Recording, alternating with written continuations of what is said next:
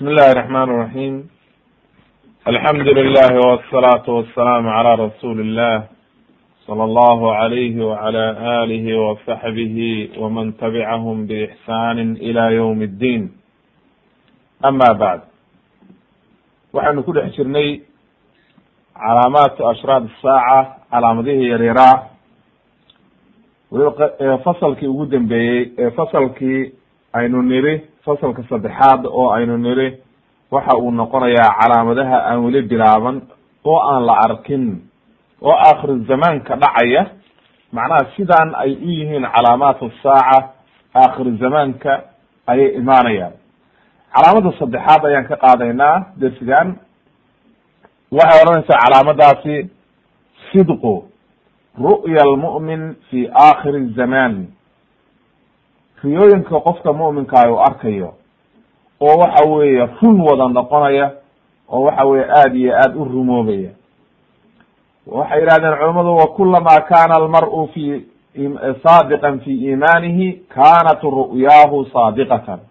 Mar walba oo qofka iimaankiisu wanaagsan yahayba ru'yadiisu run bay noqonaysaa marka haddaba way dhacdaa qofka bilow aadmigaa ama xilli walbaba way dhacdaa qofka mu'minka ah in ay riyadiisu rumowdo.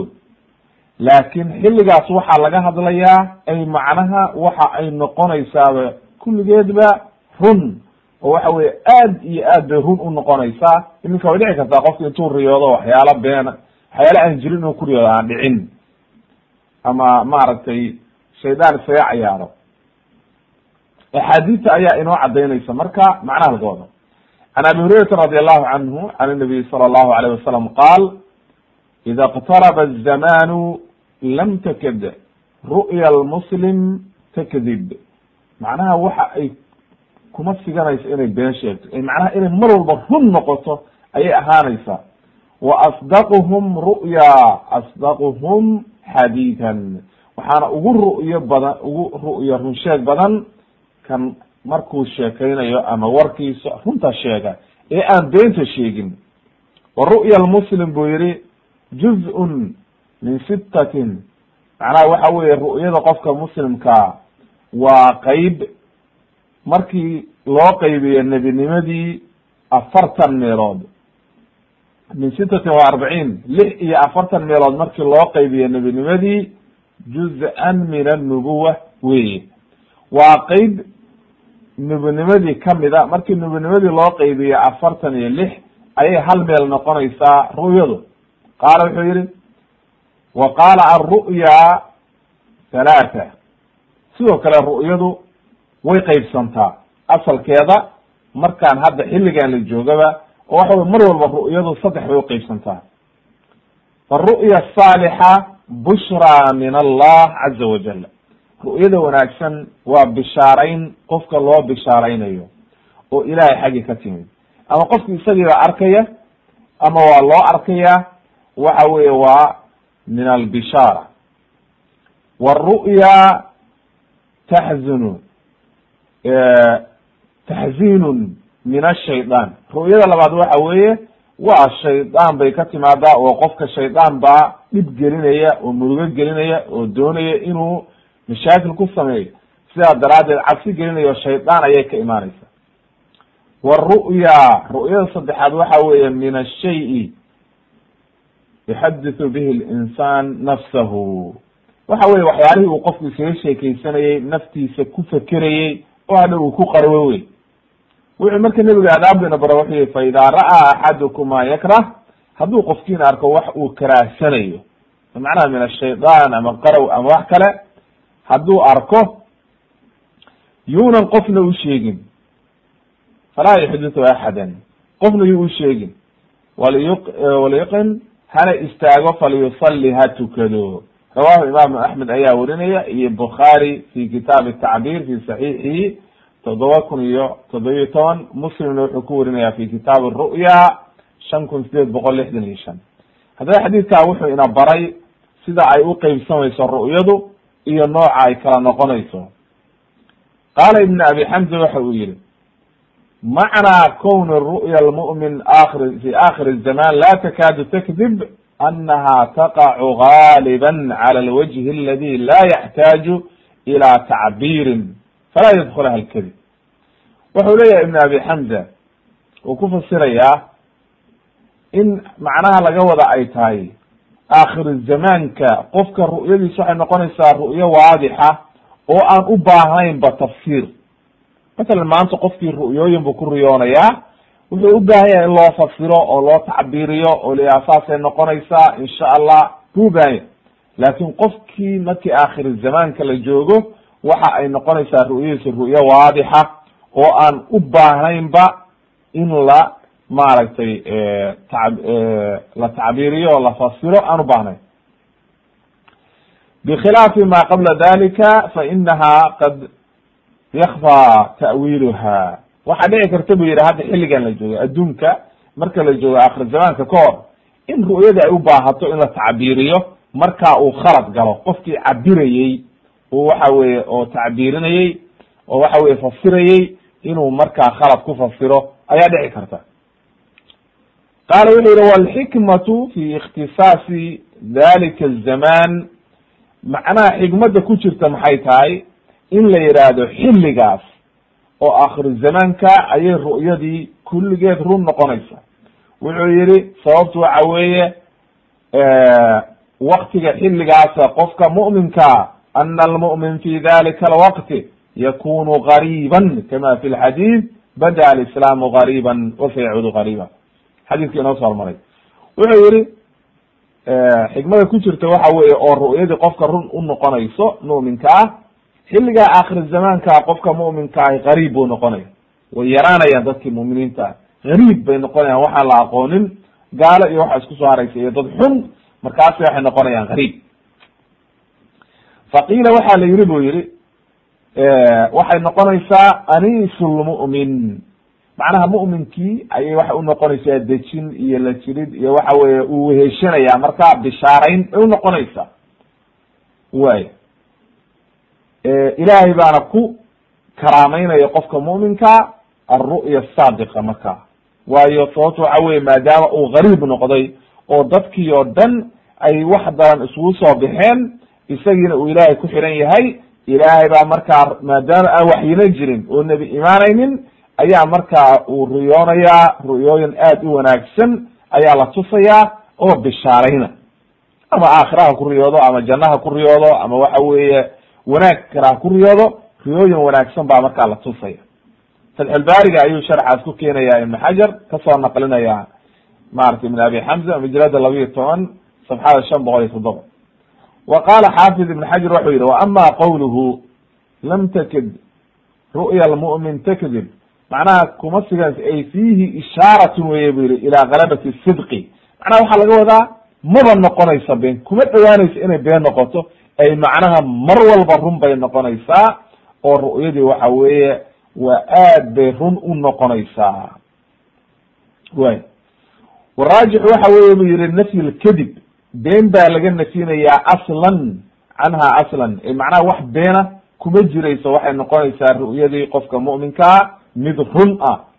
Waayo xarfu nafyi ayaa galay oo waxa weeye lagu nafiyey wuxuu ku maaragtay ku keenaya kalaamka ibn xajar fatxulbaariga ayuu ku keenayaa labiyo toban mijlada safxada shan boqol iyo toddoba macnaha wuxuu ku khulaasinaya wuxuu leeya qofka mu'minkaa ru'yadiisu waxay noqonaysaa kulligeed run wax beenaba ma gelayaan.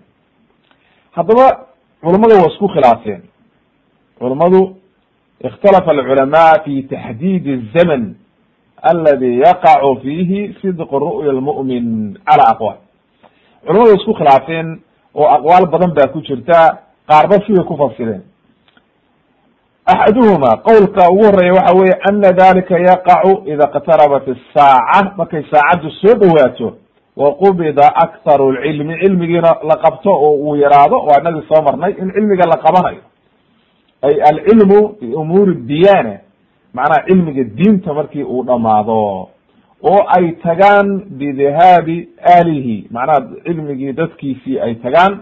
Oo dihaabu saalixiin dadkii wanaagsanaa dhamaadaan watacadarat nubuwa nubanimadiina aynan de dib dambe nebi aan loo helaynin. Xilliga noocaasa ayaa markaas ilaahay waxa uu ku kaalmaynayaa qofka mu'minkaa in uu ru'yadiisii ay saadiq noqoto. Qeybta labaad waxa weye macnaha qodobkaasi wuxuu ina baraya waxay leyihin culammadu markii aakhiri zamaanka ay noqoto oo waxa weeye cilmigii la ilaawo oo dadki jahli isugu soo baxaan iyo kufri ayay markaa qofka mu'minkaa ru'yadiisi waxay noqonaysaa waxa weeye mid runa oo waxa wey wada runa. Sharaxa labaad waxay ku ku fasireen qowlka labaad ana almu'miniina mu'miniinta markii cadadkooda uu yaraado oo kufri iyo jahli iyo fisqi adduunka uu qabsado ayaa ilaahay waxa uu ka ku kaalmaynayaa qofka mu'minkaa inuu oo ku caawinayaa biru'ya saadiqa ikraaman lahu wa tasliyatan macnaha karaamayn lagu karaamaynayo oo lagu dejinayo si unan isku oran war ummadii oo dhan ba xaggay martee malaha adaa khaldan oo unan u raacin shaydaanka iyo hawada iyo waxa weeye dadku dhinacay mareen ayaa markaa ilaahay ku dejinayaa isagana oo waxa weye lagu karaameynaya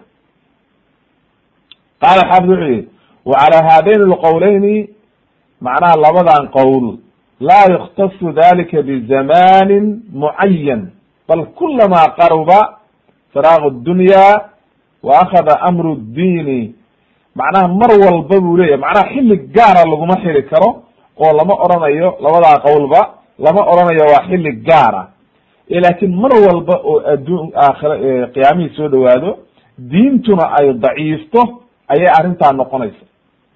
Qowlka saddexaad waxa weye ana dalika khaasun bizamani ciisa calayhi salaam.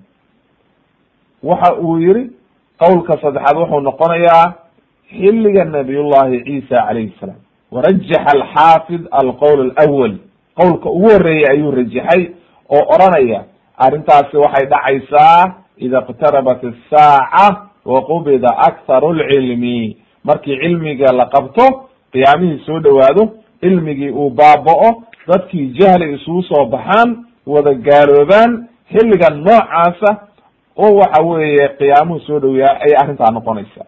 Oo jahligii maadaama uu batay oo diintii laga tegey ayaa dadkii mu'miniinta ahaa oo wanaagsanaa ilaahay ku kaalmaynayaa inay ru'yo wanaagsan arkaan.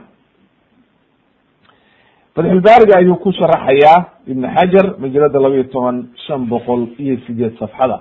Calaa kuli xaal qodobkaasi wuxuu ina barayaa aakhiru zamaanka inay qofka mu'minkaa ru'yadiisu ay wada run noqonayso oo waxa weeye wax beenaba aan laga heli doonin. Amaa inta ka horeysa qofka mu'minkaa wax runana waa ku riyoon karaa wax aan dhaboobin oo waxa weye la aragna waa ku riyoon karaa labadaba waa wax dhici kara. Ru'yadana wuxuu inoo caddeeyey axaadiidku inuu saddex uqeybsanto waxa weye ru'yo ilaahay xaggi ka timid oo waxa weye wanaagsan oo bishaaro ah. Qofka nebigu marka aadaabteeda wuxuu ina baray in waxa weye maaragtay aad bishaaraysatid oo qof wanaagsan oo aad jeceshahay ama ku jecel inaad waxa weye u sheegtid oo waxa weye si uu kugu tacbiiriyo kugu fasiro. Amaa ru'yada xun oo min ashaytaan ah inaad iska ilaalisid oo waxa weye aad ilaahay ka magangeshid xagga dhinacaaga bidix ayaad waxaad u tufaysaa saddex jeer tu tu dhahaysaa.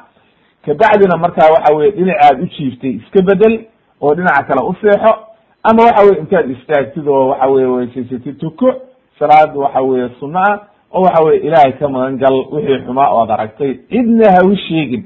Nebigu saasuna barayaa cidna inaadan u sheegin. Calaamada afraad waxa weye intifaaku ahilla hilaalka day xidigtu markay markay dhalato bishu oo waxa weye weynaata oo aad iyo aad u weyn oo xadkeedii lagu yiqiinay ka weynaata. Can abi hurayrata radi allahu canhu qaala qaala rasuulu llahi sala allahu alayh wasalam min iqtiraabi asaaca iqtiraab asaaca waxaa ka mid a maaragtay intifaaku lahilla waxa weye hilaalkii oo weynaada oo waxa weeye aad iyo aad u weynaata wa an yura alhilaala lileyla habeenka ugu horeeyaba in la arko oo la yihahdo waaba waa bilabaad. Macnaha inuu aad u weynaado oo habeenkii ay dhalatayba inay noqoto markaa bilabaad lagu tilmaamo ama waxa weye uu aadba u karo oo u weynaado rawahu dabrani ayaa warinaya fi sagiir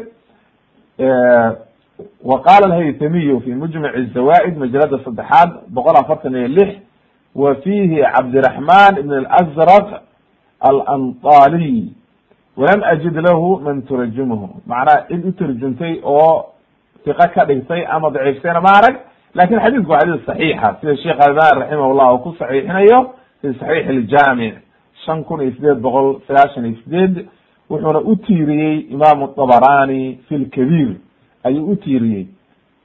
Wayo meesha uu uga tiiriyey maaragtay haytami fi sagiir.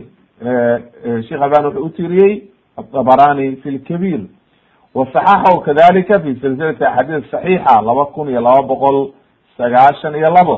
Wuxuuna u tiiriyey maaragtay adabarani fi lawsad iyo cadi fi kamil iyo waxa weye keyrkood an abi hurayra. Iyo fi sagiir dabarani fi sagiirna uu utiiriyey way cala kuli xadis wa xadiis saxiixa wuxuuna ina barayaa in ay day markay bishu dhalato inay weynaan doonto aakhir zamanka oo habeenkii ugu horreeyaba la oran doono waa bilabaad ama waxa weye aada weynaan xadiid kalaa sii cadaynaya oo anas ibn malik laga wariyey wuxuu yihi nabiga alayh salatu salam wuxuu yihi min iqtiraab saaca an yura alhilaalu qablan fayuqaalu lilaylatayni waxa weye in dayx la arko bishii oo waxa weye habeenkii uu dhasho in la arko oo markaas si cayaanan ay qabalan ay mucaayanatan si toos in loo arko oo la yiraahdo maaragtay kan waxa weye maaragtay waa bil labaad. Ma aha bil koowaad oo caawa dhalatay.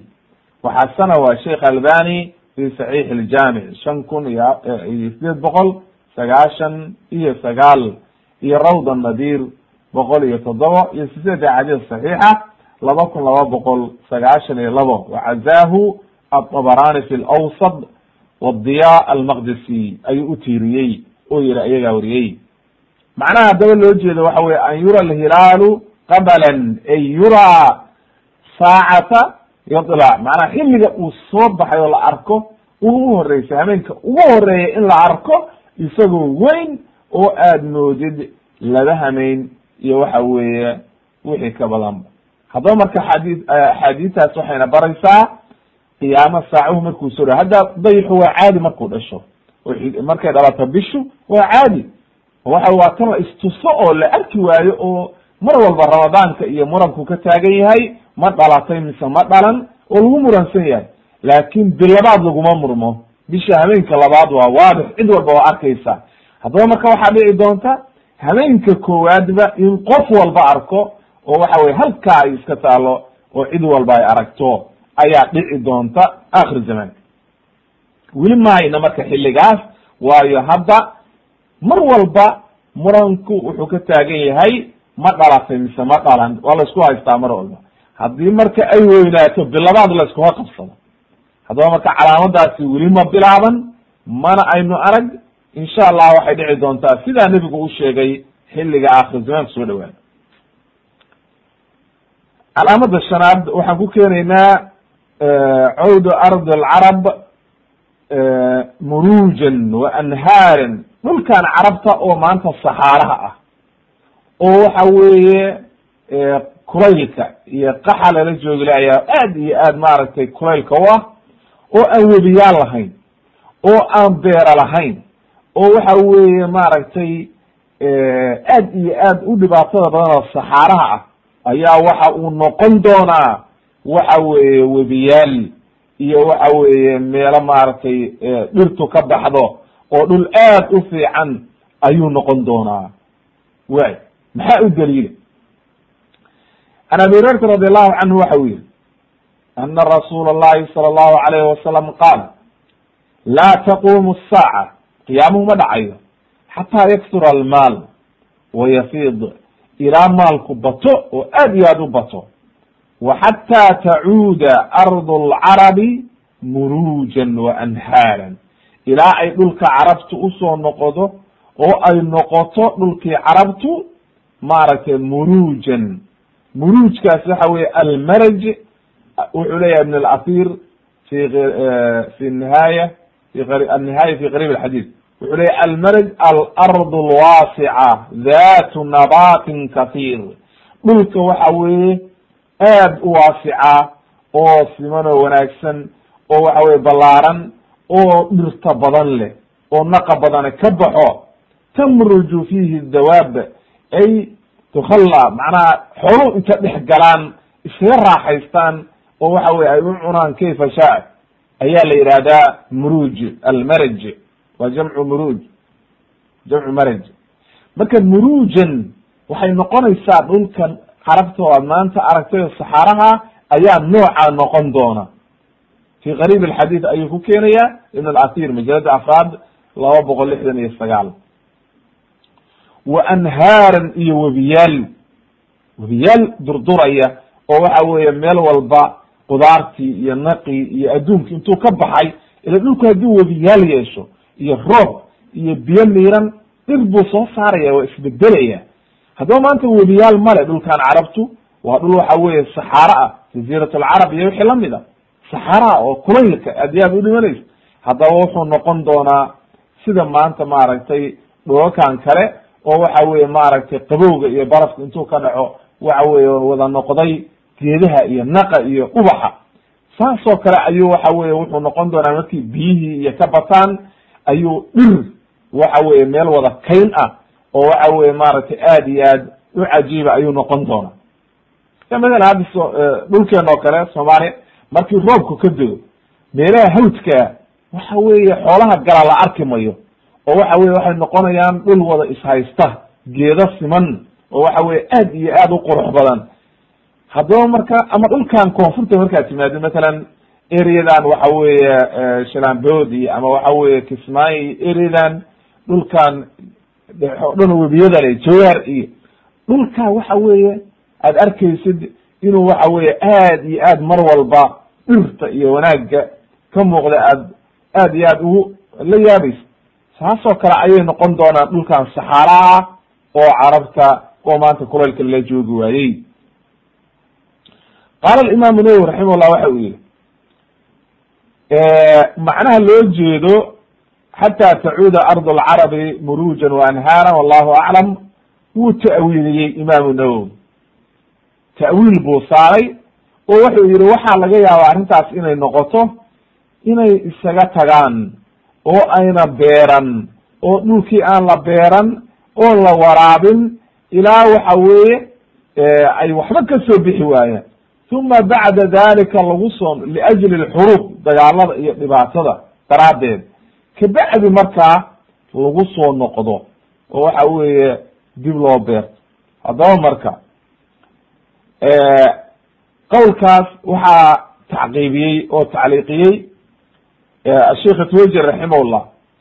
Wuxuu yihi wa fi hada ta'wiil nadar arrintaas in saas loo fasiro oo la yihahdo dadkaa be aan beeranayno isaga tegaya waxa weye arrintaas sax maa lianna ardi alcarab qaaxila laa anhaara fiiha webiyaba male waa dhul waxa weeye didibo eber oo saxara wey aan webiyaba lahayn.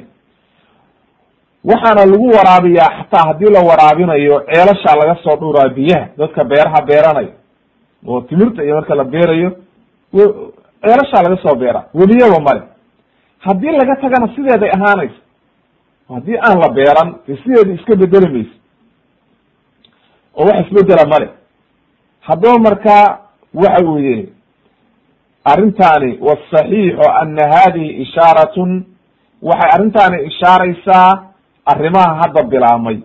Inay dadkii ceelal waaweyn la qodo. In waxa weye webiyada biyo laga soo jeexo. Sida matalan hadda webiyada la isugu haysto oo qolo walba leedahay biyo xireen baan samaynaynaa biyahaan leexsanaynaa.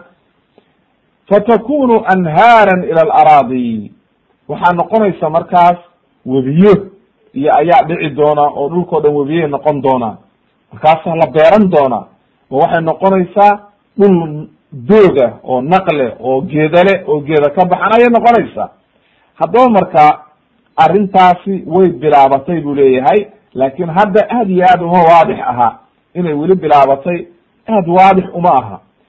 Calaa kuli xaal sidaa nebigu u sheegay calayhi salaatu wasalaam ayay u dhici doontaa fatakunu ardu alcarab muruujan wa anhaaran kama akbara bidalika asadiq lmasduuq sala allahu alayhi wasalam sidaa nebigu u sheegay ayay noqon doontaa insha allahu tabaaraka wa tacaala qowlkaas sheikha tuwayjerina waxaa ka helaysaa itixaaf ljamaca kitaabkiisa fi ashraab isaaca majalada labaad boqol iyo sagaashan ilaa boqol sagaashan iyo ko haddaba khulaasada qodobka waxa weeye dhulkan carabta oo maanta saas u kulul ama waxa weye maaragtay aan beeraha lahayn webiyada lahayn wax qudaara ka soo bixin aakhiru zamaanka waxa uu noqon doonaa dhul wada webi iyo geedo iyo waxa weeye maaragtay ay aad iyo aad u wanaagsan ayuu noqon doonaa. Calaamada lixaad waxa weeye katrat lamطaar wa qilat nabat katrat nabat amطaar wa qilat nabat waxawey roobab badan baa da'aya aad iyo aad u badan. Wax naqana ma soo saarayaan. Dhulkii roob baa ku da'aya waxna kama soo baxayaan. Subxaana allah wacan anas ibni malikin radi allahu canhu qaala qaala rasuulu llahi sala allahu alayh wasalam laa taquumu asaaca xataa yumdira annaas madaran caaman ilaa dadka roob la siiyo. Aad iyo aad meel walba gaaray cam ah oo cid walba camimay laa yumbitu lardu laa tumbitu اlardu shay-a dhulkuna una waxba soo saarin. Eber weye dhulki. Wax naqoo ka soo baxaya wax wanaag oo ka soo baxaya ma jirto. Beeraan la arkaynin waxbaan ka soo baxaynin. Roob un baa ku da'aya waxna ma soo saarayo. Way rawahu imaamu axmed ayaa wariyey. Wadakarahu lbukhaariyu fi taarikhi alkabiir. Ayuu ku sheegay bukhaarina ku wariyey. Wa qala alhaytamiyu haytamina wuxuu ku wariyey fi mujmac zawa'id wacazahu wuxuu u tiiriyey limaami axmed wlbazar wa abi yacla wa qala wuxuu yihi rijaalu ljamiici hiqaat waa rijaal wada saxiix oo hiqaat ah. Waصaxaxahu sheikh albani raximah llah fi silsilati axaadiis saxiixa waxa weye raqam majalada lixaad raqamka laba kun toddoba boqol toddobaatan iyo saddex ayuu ku saxiixiyey haddaba halkaa waxaa inooga caddaatay in roob badan di'i doono. Oo aad u badan haddana aan waxba soo saaraynin. Oo waxa weeye wax uu soo saarayo oo naqa iyo wax wanaag oo laga faa'iidayo una jirin. Sidoo kale wa can abi hurayrata radi allahu canhu qala qala rasuulu llahi sala allahu alayh wasalam laa taqumu asaaca xataa yumdira xataa tumdira asamaau mataran ilaa ay samada roob keento oo ay da-do roob aad u badan laa tukinu minha buyuutu lmader walaa tukinu minha ila ila buyuut shacb macnaha wuxuu leeyahay nabiga calayh isalaatu wasalaam roobkaa faraha badan ma celin doonaan guryaha magaaladu almader waa dhoobada guryaha magaaladu ma celin doonaan waa wada burburayaan ma celinayaan wuu soo dhaafayaan laakin guryaha baadiyaha waxba ka dhimi mayso waayo guriga baadiyaha hadi roobka markuu ku do-o waxa weye maaragtay waxba mashaakila uma keento oo waxa weye waa iska sar iyo waxyaalo maaragtay wax mashaakila keeni mayso. Way rawahu imam axmed baa wa qaala amed sheekh axmed shaakir raximah llah fi lmusnad صaxiix wuxuu yihi waa xadiis صaxiixa wa qala alhaytamiyu fi mujmac zawa'id haytamina fi mujmac zawa'id ayuu ku leeyahay majalada toddobaad saddex boqol soddon iyo ko wuxuu u tiiriyey rawahu axmed warijaal rijaal صaxiix wasaxaxa sheikh albani raximah llah fi silsilati axaadiis صaxiixa saddex kun iyo laba boqol lixdan iyo lix ayuu ku saxiixiyey haddaba sababtaasi marka waxa weeye min nazci lbaraka barakadii ayaa ka tegeysa roobka.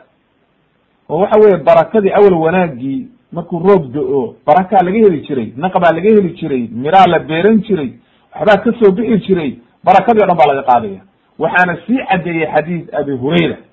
Min xadiisi abi hurayra ayaa sii caddeeyey oo nebigu wuxuu yihi calayhi salaatu wasalaam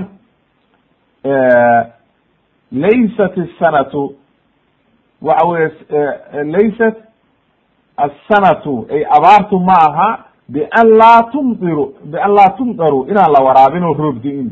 Walaakin asanatu sanadu waxa weeye abaartiiyo mashaakilku an tumdaruu wa tumdaruu in roob la keeno oo roob la keeno iska daba yimaado walaa tumbitu lardu shay-a inaan markaa dhulkii waxba soo saarin.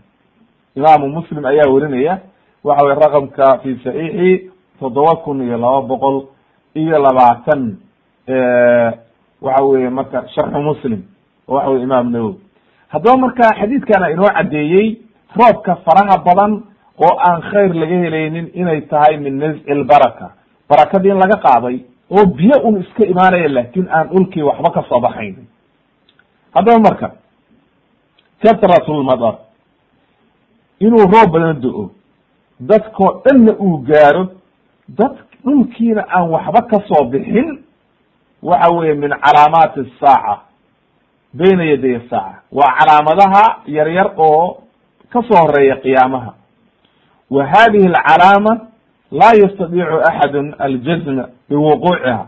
Qof awooda ma jiro inuu yihahdo maanta way dhacday. Waayo dhulkii weli waxbaa ka soo baxaya. Waladi yadharu anaha lam taqa bacdu. Ila zamanina hada. Ilaa iyo hadda weli ma dhicin. Oo waxa weye calaamadan ilaa iyo hadda weli ma ay dhicin. Laakin sataqac insha allahu tabaraka watacaala way dhici doontaa.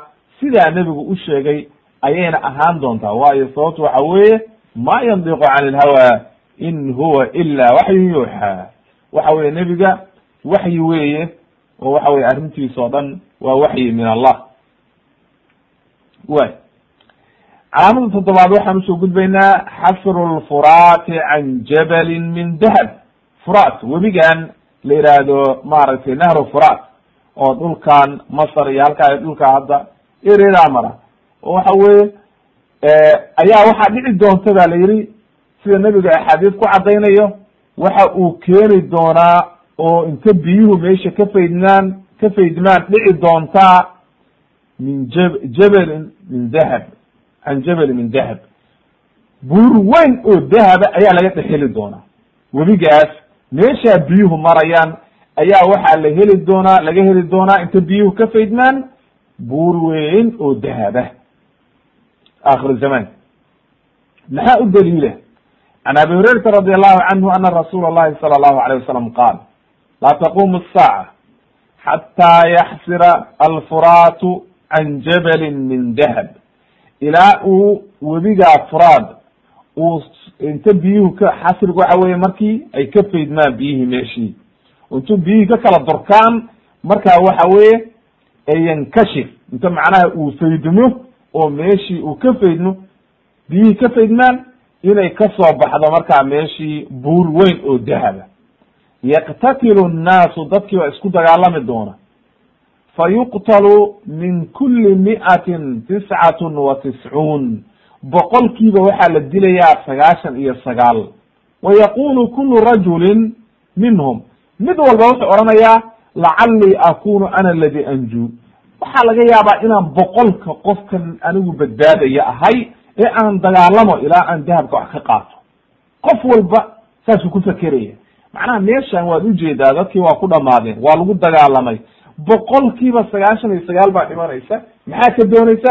Maya waxaa laga yaabaa midka nebigu sheegay oo badbaadaya oo halka keliya oo badbaadaya in aniga noqdo sidaa daraaddeed marka waa inaan dagaalama. Imaamu muslim ayaa werinaya toddoba kun iyo laba boqol iyo ko fi sharxi muslim annawowi wakadalika can abi hurayra radi allahu canhu wuxuu yihi qaala rasuulu llahi sala allahu alay wasalam yuushiku alfuraatu an yaxsira can kanzin min dahab.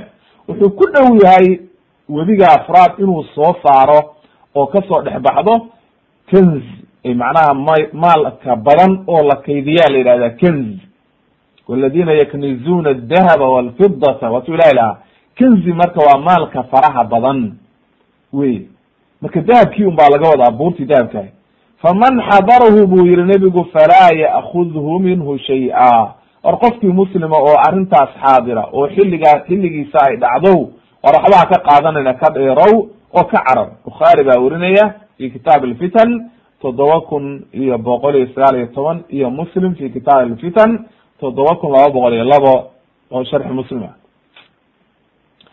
Haddaba marka qowluhu yuushiku an yaxsira alfuraat ay macnaha yankashif inuu faydmo oo uu soo saaro oo halkaa ay ka soo baxdo iyadoo aan cidina soo saarin cidina saagin cidina biyo xiran samayn ayuu iska soo baxaya. Walfuraat waxaa la yidhahdaa webigan macruufkaa oo aad iyo aad u weyn waxaa la yidhi asalkiisa wuxuu ka soo bilaabmaa waddanka armenia. Ayuu ka soo bilaabmaa ayaa la yidhi. Haddana waxaa socota dowladdan turkida iyo inay dhisayaan biyo xireen aad u weyn oo ay rabaan inay biyaha xiraan. Waayo aakhirka waxaa la leeyahay biyahani waxa weeye waa la isku haystaayo dadkii waxa weye qola walba waxay biyo xireen baan samaysanayna inta ayna dhamaanin. Wa qawluhu faman xadarahu falaa yaakud minhu shay-an qaala xaafid ibn xajar waxa uu yihi hada yushciru biana alakda minhu mumkin waxaa arrintaani kutusaysaa in la qaadan karo wax laga qaadan karo waayo hadde nebiguba waa sheegay boqol kiiba sagaashan iyo sagaal baa la dilaya mid baa haraya dee midkaasi waxbuu ka helaya marka wa calaa hada buu yihi fayajuuzu an yakuna dananir wayajuuzu an yakuna qidacan waxaa dhici karta buu yihi marka maadaama la qaadan karo buur weyn ile lama qaadi kare inuu wax googo-ana noqdo dananir inuu noqdo wax jajaban inuu noqdo oo waxa weeye qayb qayb ah oo la qaadi karo.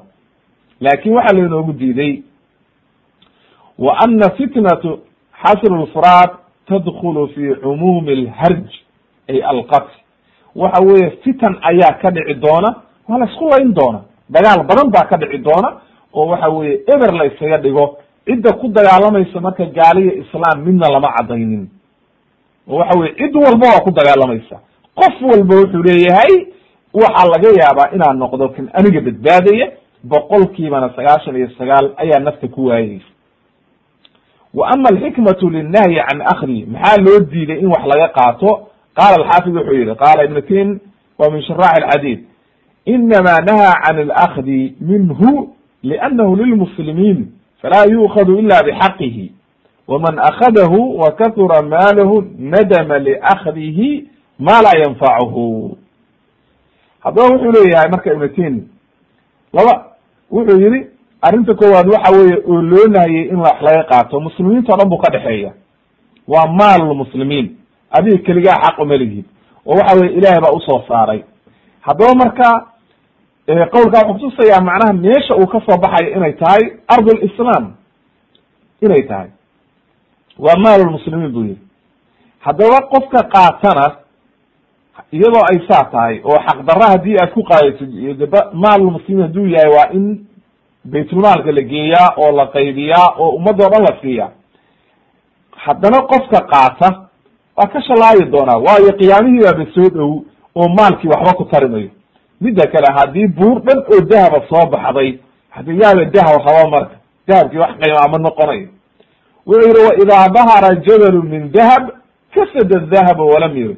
Haddii uu buur dahaba la helo dahabkii o dhan baa marka baaraya oo waxa weye cid doonaysa oo gadanaysa ma jirto. Marka hadha waad ka shalaayaysaa qaadashadiisii sidaa daraaddeed buu nebigu inooga nahiyey qaala alxaafid wuxuu yihi walaysa aladi qaalahu bayin waladi yadhar buu yihi ana annahya can akdihi lima yanshau can akdihi min alfitnati walqitaali calayh ibn xajar isaga wuxuu rajaxaya wuxuu yihi sababta loo nahiyey waxa weeye waxaa ka ratimaya fitan iyo dagaal iyo dhibaato marka maadaama dhibaatada iyo fitanka uu ka xasilayo taasaa la inoogu diiday oo la inooga nahyey wayaxtamil an takuna alxikmatu fi nnahyi can alakdi minhu likownihi yaqacu fi akhiri zaman cinda alxashri alwaaqic fi dunya waxaa dhici karta buu yihi oo kale sababtu inay tahay oo xikmadda lainoogu diiday ay tahay gebigiisu waa inuu imaanayo aakhir zamaanka marka ugu dambayso oo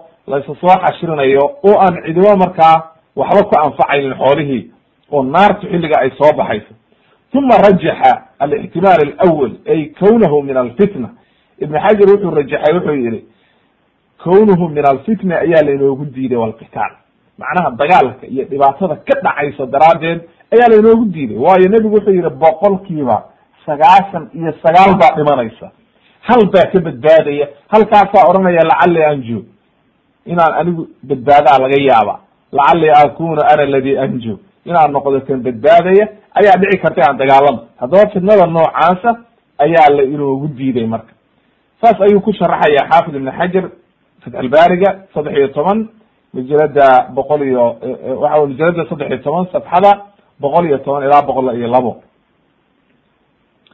Haddaba alxaasil khulaasadu waxa weeye ana inkishaaf nahri furaat wainxisaarihi can jabalin min dahab calaamatu min calaamaati saaca inuu waxa weye halkaa buur dahaba ka soo baxdo webigaa furaat waa min calaamaati saaca calaamadana dadku ku dagaalami doonaan. Mar alla markay dadkii arkaan bay ku dagaalami doonaan.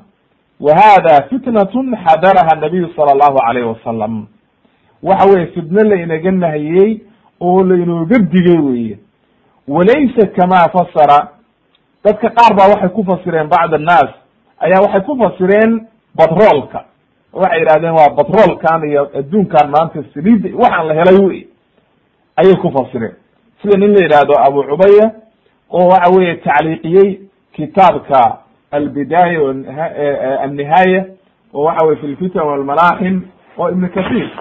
Waxaa radiyey marka ninkaa oo aad u dabagalay oo aad iyo aad u radiyey mar walba oo ku khaldamay kitaabkaasba aad u soo aruuriyey asheikh tuwayjiri raximahullah kitaabkiisa fi itixaaf aljamaca wa wuxuu yihi asheikh tuwayjiri raximahullah waqad za'ama abu cubayr ninkaa ayaa waxa uu sheegtay buu yihi fi tacliiqihi lahu fi hada xadiis suhayl ibn abi salix aladi taqadama ayuu wuxuu yihi ana furat qad xasara can dahabi albatrol اlaswad wuxuu yihi waa batroolka buu yihi batroolkan maanta qaaliga ah oo batrol aswad loo yaqaan oo qaaliga ah batroolkaa weeye buu yihi dahabka loo jeedaa waa caqlaani ninkaani marka.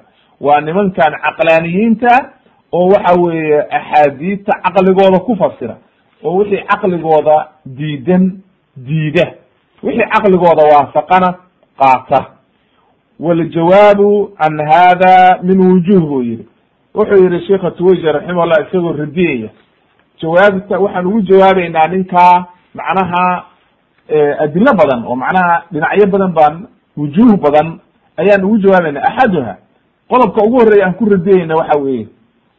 Ana nabiya sala allahu alayh wasalam nasa cala jabali dahab. Nebigu wuxuu nas u sheegay buur dahaba nasan laa yaxtamilu ta'wiil. Aan waxa weye ta'wiil waafaqaynin. Waman xamala cala albatrol alaswad xamala alxadiid cala gayri ma uriida bihi. Wa hada taxriifu lkelim can mawaadicihi waxa weeye maadaama nebigu uu yihi buur dahaba nebigu waa dhigi kara inuu yihahdo hadduu waa heli kara inuu yihahdo batrol baa ka soo baxaya. Hadduu odhan lahaa batrol baa laga helayaa maanta waxaynu odhan lahayn waa sax marka oo waxa batroolkii waa laga helay. Ko baynu odhan lahayn hadduu batroolka yahay laakiin nebigu nas wuxuu u sheegay buur dahaba in la ta'wiiliyana ma banaana wa ilaa haddii aad ta'wiilisay waxaad noqonaysaa kuwii ilaahay uu ku canaantay oo lagu ceebeeyey oo waxa weye yuxarifuuna alkalima can mawaadicihi sidii yahuudi oo kale oo macnihii loo jeeday ayay ka bedelayaan nusuustii oo waxaan ahayn bay kufasiraya alwajhu thani albatrol laysa bidahab xaqiiqatan. Walaa majaasan batroolku dahab ma aha.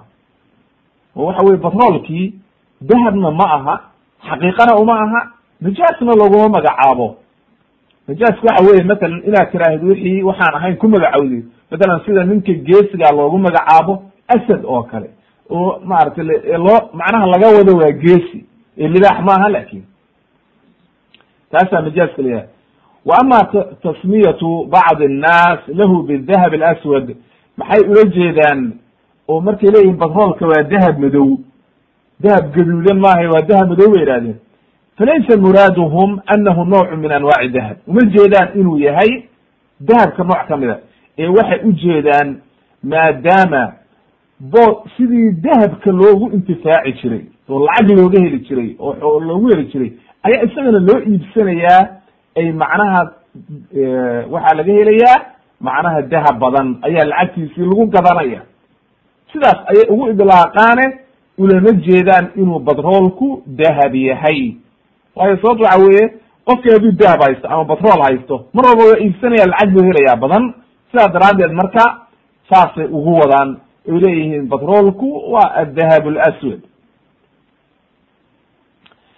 alwajhu thalith qodobka afra saddexaad oo ku radiyaya waxa weeye ana nabiyu sala allahu alay slam akbara ana alfuraat webiga furaat inuu buurtan dahabka ay ka soo baxayso. Yaxsuru can jabalin min dahab ee yankashifu canhu lidihaabi maa'ihi.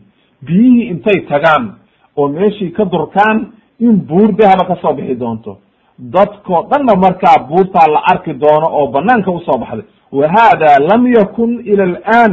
Ilaa iyo hadda arrintaani ma dhicin. Waayo webigii weli biyaa ka socda batroolna lagama helin buur dahabana kama soo baxdin. Buur dahabana kama soo bixin. Wa ama albatrool xaggee laga helay lam yanxasir alfuraat buurta webiga furaat ma soo saarin batroolka walaysat majra nahri wa inama hiya fi baطini اlardi dhulka ayaa laga qodaa batroolka marka dhulkaa laga qodaaye lagama soo saarin webiga furaat haddaba marka maadaama batroolka laftigiisiiba laga helay dhulka ee aan webiga laga helin laguma magacaabi karo inuu yahay batrool marka dahabkaas kow midda kale batroolku isagu isma soo saarina waa la soo saaray. Qalab baa lagu qoday kharash baa ku baxay waqti baa ku dhumay. Waxa weeye aad iyo aad qof walba iskalama soo bixi karo. Ama isagu banaanka iskama imaanin. Buurtaana nebigu wuxuu sheegay inay iyadu banaanka iska imaan doonto oo aan cidina soo saari doonin ayuu nebigu sheegay calayh isalaatu wassalaam haddaba marka laguma fasiri karo batroolka alwajhu raabic wejiga afraad oo lagu radiyaya waxa weeye ana aladi jaءa fi اlxadiiث الصaxiix huwa xasru الfuraat can kanzi min dahab wa fi riwaayati أkrى can jabali min dahab wa taksiifu اlfuraati binnasi yanfi an yakuna fi gayrihi meel kale macnaha inuu ka dhaco nebigu wuxuu ku taksiisiyey khaas uga dhigay webiga furaat ama meel kale oo dhul kalaa inuu ka soo baxo maya wa min almacluum sida macluumka waxa weeye ana bukuur albatrol laysa fi nahri lfuraat wa inama hiya fi mawaadicin katira fi mashaariq alardi wa magaaribiha meel walba dhulka carabta iyo keyrkoodba meel walba wuu ka soo baxay.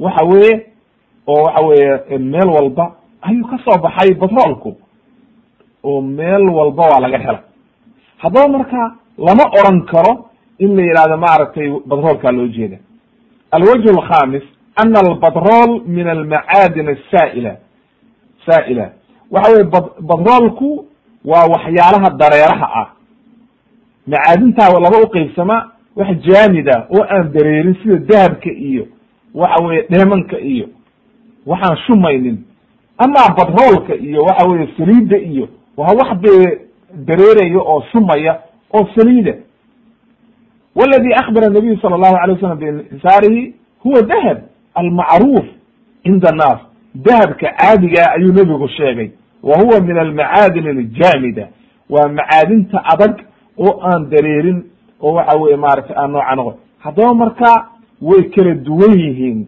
waxa weeye labada arrimood in la isku fasirana ma banaana maadaama ay kala duwan yihiin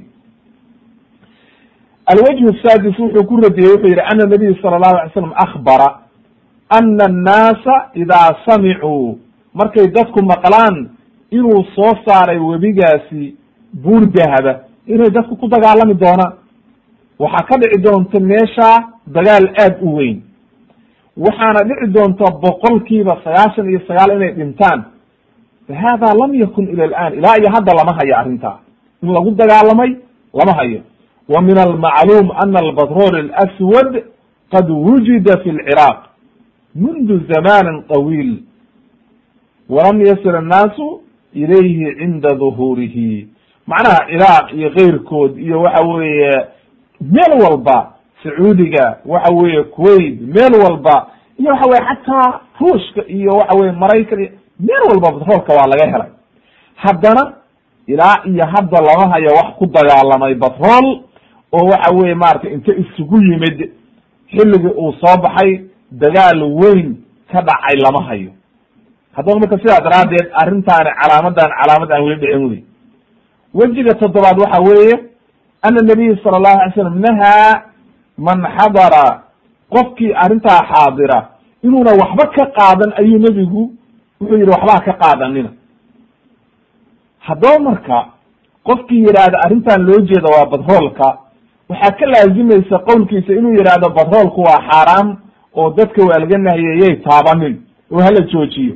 Lamana hayo ilaa iyo hadda wax yidhi wa hada macluumu lbutlaani bidaruura. Badroolka in la xaaraantinimeeyana waa arrin waxa weeye aan suurtagal ahayn. Oo waxa weye cid xaaraantinimaysay culamaa lislaam lama hayo. Haddaba marka saasuu u radiyey waxa weeya sheikh tuwayjiri kitaabkiisa itixaaq iljamaaca ayuu ku radiyey majalada labaad boqol sideetan iyo shan iyo boqol sideetan iyo lix. Sidoo kale idana mashhuur xasan ayaa wuxuu ku caddeeyey kitaabkiisa alciraaq fi axaadiisi wa aathaar alfitan. Ayuu maratay isna ku caddaynayaa inayna arrintaani batroolka shaqo ku lahayn. Dad badan baa marka waxay u qaateen dagaalada ciraaq iyo ka dhacay in waxa weye batroolka lagu dagaalamayo oo arrintaani ay ka dambayso. Arrintaani waxa weye dagaaladaani isku shaqo maaha. Waxa weye arrintaani waa calaama maxda waa calaamad soo bixi doonta aakhiru zamaanka. Oo ilaahay uu keeni doono oo webigaasi intuu buur ka soo baxdo dahaba dadku markaa ku dagaalami doonaan mana dhicin wasataqac insha allahu tabaraka watacala way dhici doontaa. Cid alle ciddii ku fasirta wax kalena laga qaadan mayo waayo nusuusta in la taxriifiyo oo waxa weye macnaheeda laga bedelo ma banaana waa arrin baatilo wey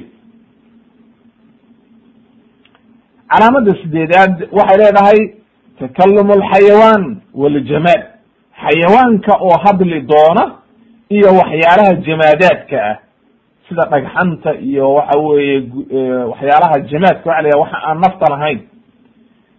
Wuxuu yihi wa min ashraad saaca kalaamu sibaac lilinsi xayawaanka oo dadka la hadla. Sibaac waxa la waxyaalaha libaaxa iyo waxyaalaha dadka waxyaalaha masalan ugaarsado wax. Libaaxa iyo maaragtay sida dhulwaaga iyo waxa hilibka ku nool oo wax cuna ayaa laha sibaac. Wa hada waqaca fi cahdi nabiy sala allahu alayhi wasalam kama jaa fi lxadid fi xadiidi abi hurayra horta xilligii nebiga way dhacday arrintaani haddana aakhirka laakin si waadixay u dhici doontaa laakin xilligaas arrin gariiba bay ahayd oo yar.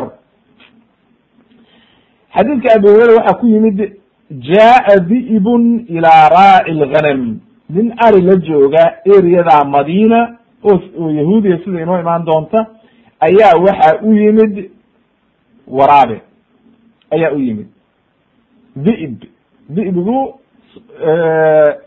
soomaalida waxay kumafasiraan waraabe laakin waa bahalkan khatarta oo waxa lagu caddeeyaa sida yeyda oo kale khatarta ayaa la yidhaha di'bi xoolaha cuna iyo waxa weeye wixii kale oo arkaba fadalabahu neef buu ka qaatay faakada minha shaatan neef buu kala cararay arya fadalabahu raaci ninkii baa cayrsaday ilaa uu ka reebay qaala waxau yidhi fasacada adi'bu calaa tallin faaqacaa waxa weeye di'bigii ayaa waxa uu fadhiistay waxa weye maaragtay intuu meel yaroo dheer oo kor u taagan ayuu fuulay. Oo saa u fadhiistay oo ninkii soo qaabilay. Iqcaagu waxa weeye waa markii uu qofku ku fadhiisto matalan sida u fadhiistaa laga wadaa eyga oo kale ida jalasa calaa isati dabada intuu ku fadhiisto saa kor u taago aliqcaaga marka an yulsiqa arajulu alyatahu bilardi wayansiba saaqayhi taas ayaa la yidhaha iqcaa fa aqcaa marka meel ayuu fadhiistay oo waxa weye meel yaroo kore ayuu intuu fadhiistay uu soo qaabilay oo waxa weye ninkii intuu soo qaabilay ayuu la hadlay marka oo muxuu yidhi? Wuxuu ku yidhi faqaala wuxuu yidhi camadta ilaa risqin razaqanihi llahu caza wajala intazacathu mini waraabihii baa hadlay wuxuu yihi risaaqad ilaahay isiiyey oo waxa weeye neefkan ilaahay baa ii qoray inaan cuno oo ilaahay baa isiiyey oo arrin ilaahay ii sahlay miyaad u kastay oo aad soo qasdiday inaad iga qaadid oo waxa weye ii diidi risaaqadii ilaahay.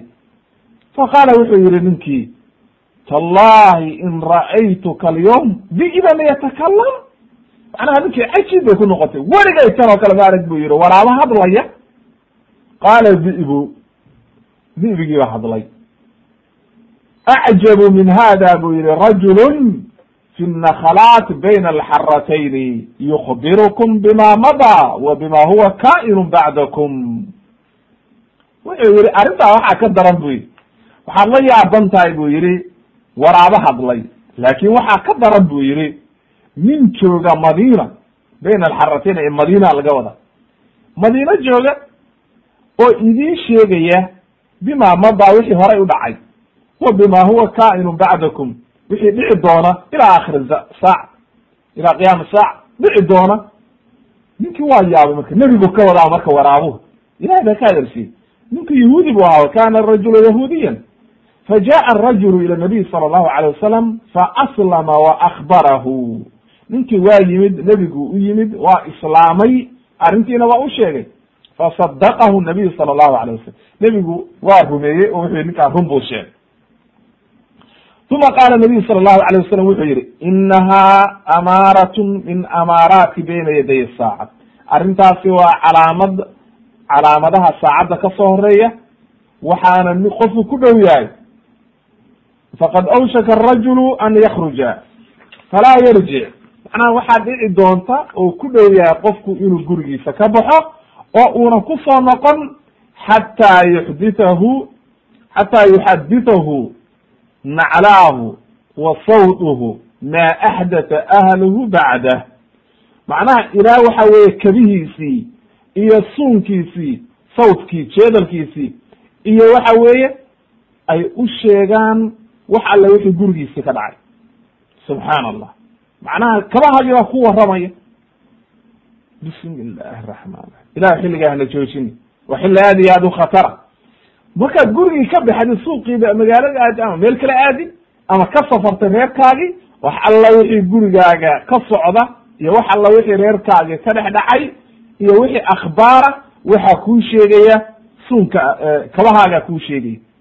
Iyo waxa weeye wixii aad markaa wadatid oo waxa weeye ayaa kuu sheegay subxaana allah xadiidka imaam axmed baa werinaya wa qaala asheikh axmed shaakir isnaaduhu saxiix fi lmusnad wa saxaxahu sheikh albani raximah llah fi mishkaat almasaabih. Waxa weeye shan kun iyo sagaal boqol labaatan iyo toddoba iyo silsilati axaadiisa saxiixa boqol labaatan iyo laba wa fi riwaayati abi saciid alkhudri fadakara alqisa ila an qaal qaala rasuulu llahi sal ly slam sadaqa nebigu run buu sheegay markuu ninkii qisada uga sheegay aayatun takunu qabla asaaca waa aayad dhici doonta qiyaamaha hortiisa waladii nafsii biyadihi laa taqumu saaca ilaahigii waxaan ku dhaaranayaa naftaydu gacantiisa ku jirte qiyaamuhu ma dhacayo xataa yukalima asibaac ilaa ay hadlaan alins ilaa ay la hadlaan sibaacu waraabaha iyo duur joogta waxyaalaha khatarta ay la hadlaan dadka. Wa yukalim arajulu cadabatu sawdihi. Ama ninkii ay la hadasho cadabatu sawdihi. Waa meeshaan jeedalka markii qofku wato meesha uu qabsado oo dabada ayaa la yidhaha cadabatu sawd. Halka ayaa la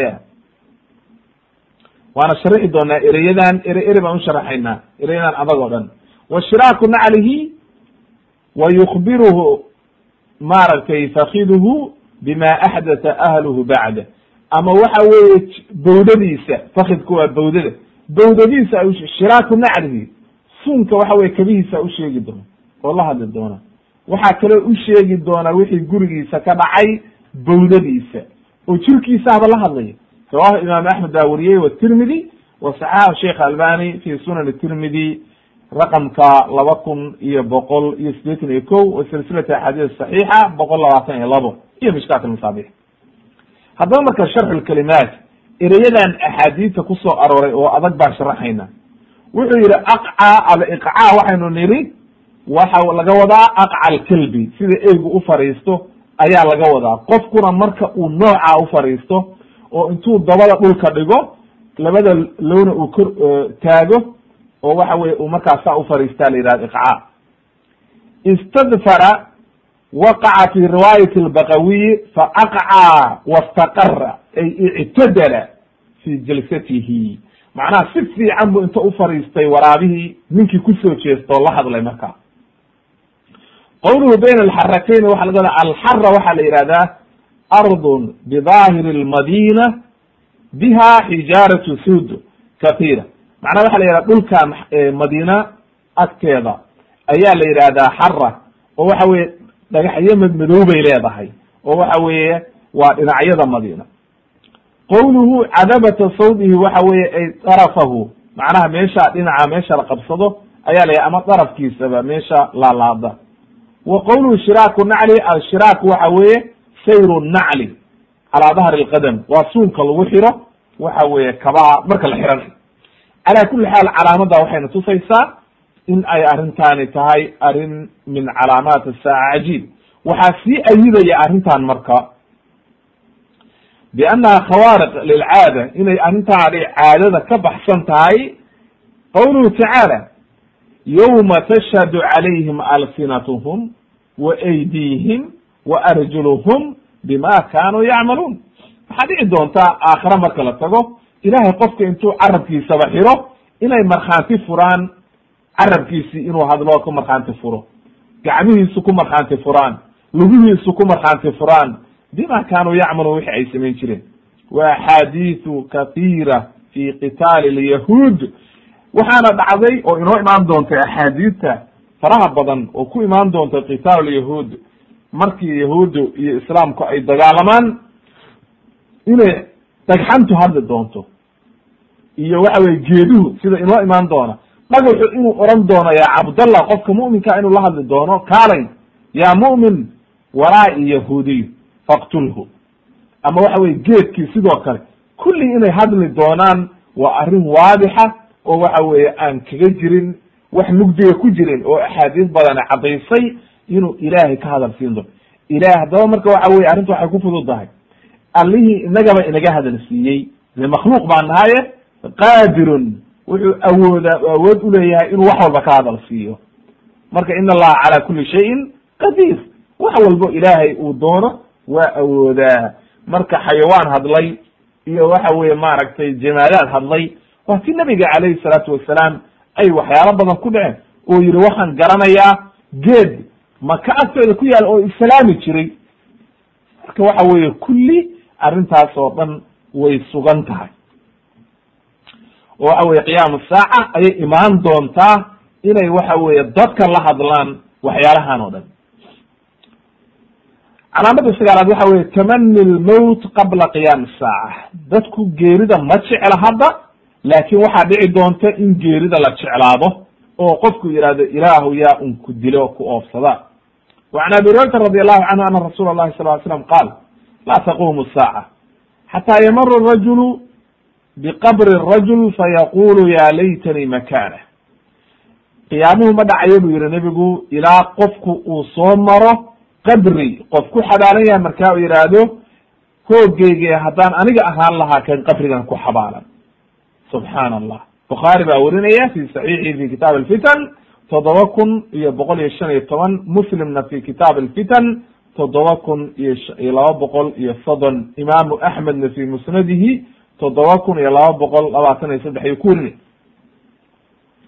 wa can abi hurayra sidoo kale qaala rasuulu llahi sala allahu alay wasalam wladi nafsi biyadihi laa tadhabu dunya adduunyadu ma tegeyso oo ma baaba-ayso qiyaamihii ma dhacayo xataa yamara rajulu cala alqabri ilaa uu ninku qabri soo maro fayatamaraqa canhu inuu ku galgasho sida xooluhu u galgashaan oo kale wa yaqulu ya laytanii kuntu makana saaxiba hada alqabri hooggeygee haddaan ahaan lahaa midka halkan ku jira walaysa bihi diinu ila albala macnaha diintiisa oo waxa weye maaragtay diin uu ninkaasi diintiisii oo la cararayo maa laakin balaayo iyo fitan iyo mashaakilkii inta ka batay ayuu jeclaysanayaa ilaahu yaa iska dhinta oo haddaad ahaan lahayd kan qabrigan ku jira maanta waxa weye adduunkan fitankiisa ka haraysan lahayd.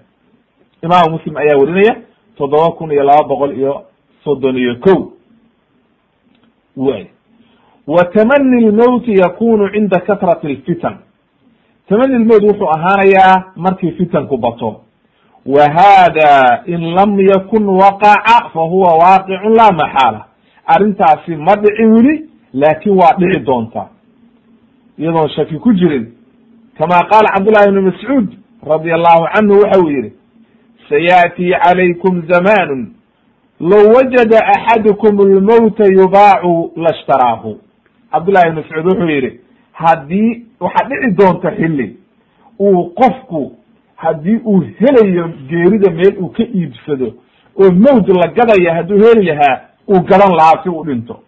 Wa kama qiila wa hada alcayshu maa laa khayra fiihi alaa mowtun yubaacu faashtariihi waxa weye gaba yar weeye wuxuu yidhi wa hada alcayshu noloshaani maa laa khayra fiihi wax khayra male alaa mowtun yubaacu faashtariihi xaggee baan macnaha haddaan heli lahaa geeri la gadanayo oo aan gato markaa haddaba arrintaani waa arrin aad iyo aad u khatara oo waxa weeye maaragtay dhici doonta rabbigii subxaana qaadirkaana haniga badbaadiyo. Faydulqadiir ayuu ku keenayaa majalada lixaad afar boqol iyo lix iyo toban qowlka cabdullahi ibn mascuud iyo waxa weye maaragtay arrintaas.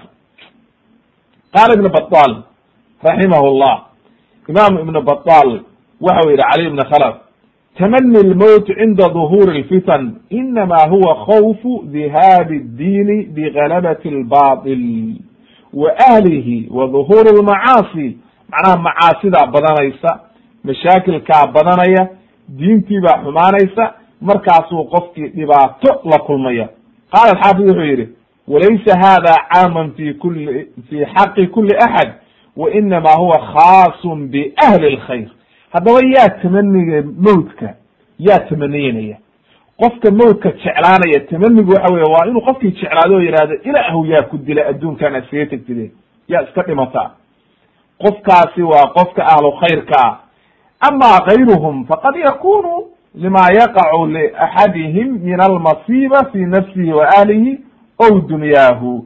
Macnaha laba dadku labay noqon doonaa qofka ahlu khayrka ah diintiisu inta u cabsado oo yidhahdo diinteyda aan u cabsanaya ilaahu iimaanka igu dil ilahu adduunkaan iga diintiisu la cararaya.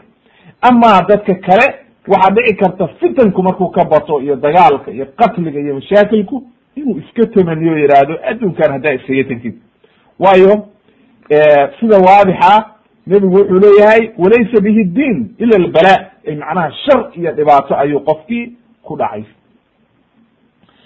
wa qaala alciraaqi alimaam alciraaqi waxa uu yihi wa huwa zayn اdin cabdiraxim ibn alxusein ibn cabdiraxman alciraaqi ayaa li alkurdiy ashaafici cidda waxa wey dadka kurdiyiinta ayuu ka soo jeeday waa min a'imati shaaficiya waxa uu dhashay toddoba boqol iyo soddon iyo shantii wa kana min alxufaad waxa weye raggii xufaada ahaa xufaad alxadiid ayuu ka mid ahaa musanafaad badan buu leeyahay.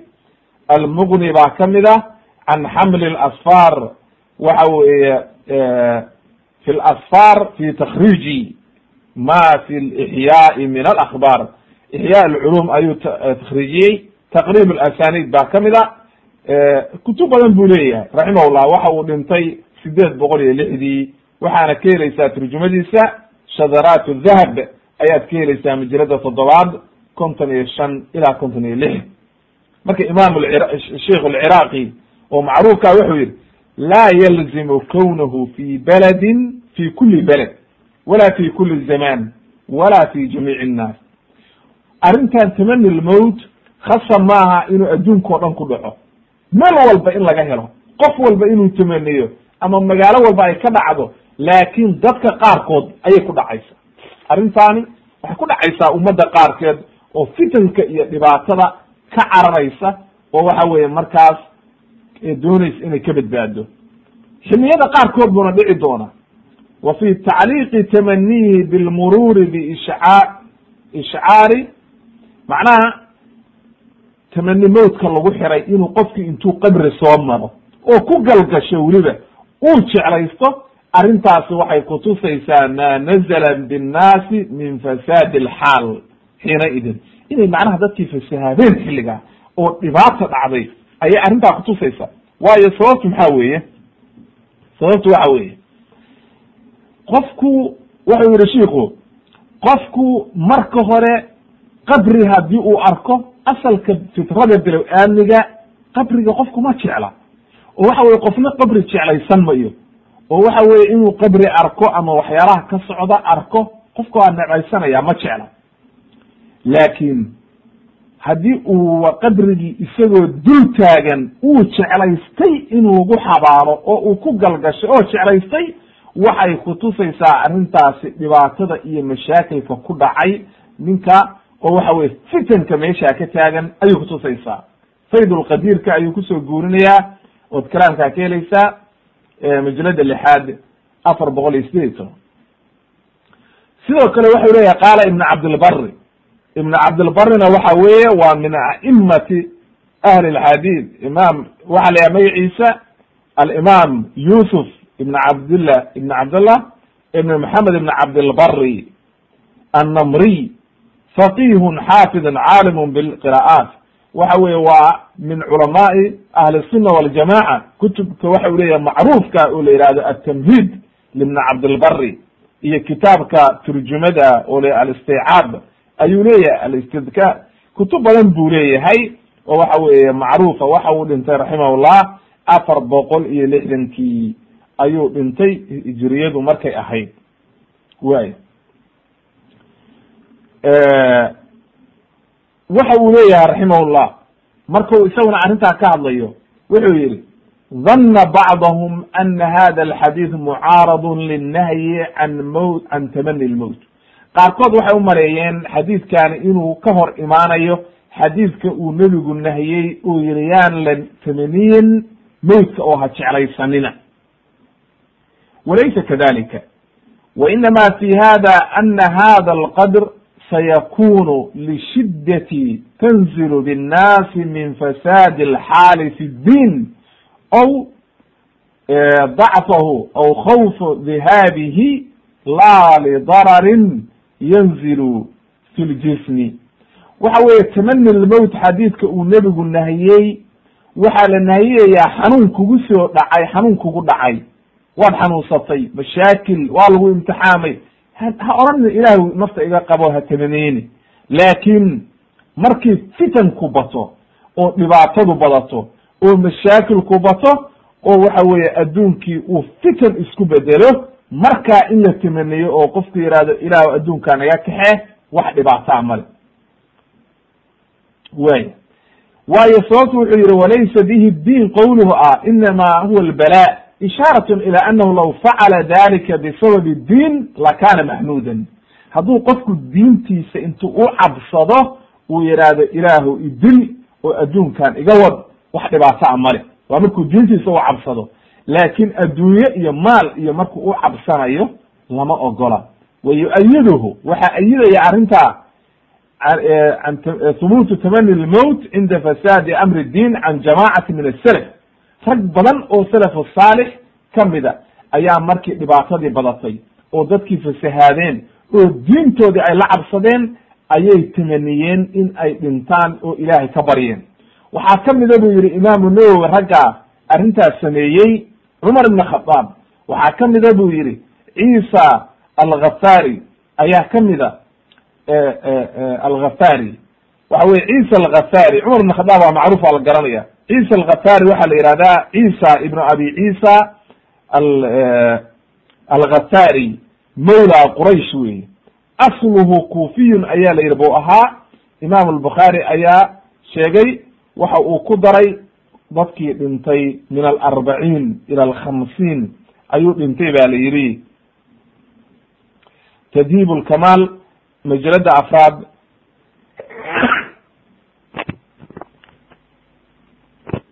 Alxamdu lilah tadhiib lkamaal majalada afraad shan bo afar boqol konton iyo sagaal safxada ayaad ka helaysaa turjamadiisa abu ciisa alghafari ayaa yihahda ciisa alghafari ayaa la yihahda ciisa ibnu abi ciisa alghafari ayaa la yihahda wa cumar ibn cabdilcaziz baa ka mid a alkhalifa arashida alcaadil alkhalifat lumawiy cumar ibn cabdilcaziz ibn marwan ibn alxakam ayaa ka mid a caalimkii macruufka zaahidka ah. Maata raximah llah boqol iyo kowgii ayuu dhintay oo waxa weeye uu dhintay raximah llah adahab masbuk ayaad ka helaysaa turjumadiisa iyo maaragtay sir aclaam nubala iyo kulli waad ka wadanaysa wa kayruhum marka imaamu nawowi wuxuu leeyahay raggaas iyo rag ka badanba ayaa tamaniyey xilligii markii dhibaatadu ay dhacday oo fitan iyo diintooda ay la cabsadeen. Qaala alxaafid ibn xajar wuxuu yihi waqad rawaa xaakim imaamu xaakim wuxuu weriyey min ariiq abi salama.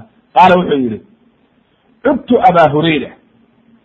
Aba hurayra ayaan booqday oo xanuunsanaya faqultu waxaan ku yidhi allahuma shfi aba hurayra ilaahu aba hurayra caafi faqaala wuxuu yidhi allahuma la tarjichaa ilaah waa soo celini macnaha ilaahu i oofo oo waxa weye geeridiibu wa rabaaba markaasu wuxuu igu yidhi buu yidhi in istadacta ya aba salama famut haddaad awoodid dhimo buu yidhi waladii nafsii biyadihi laya'tiyanna cala alculamaai zamanin almowtu axabu ila axadihim min adahab alaxmar culummada waxaa u imaan doona xilli aakhir zamaanka ay geerida jeclaystaan.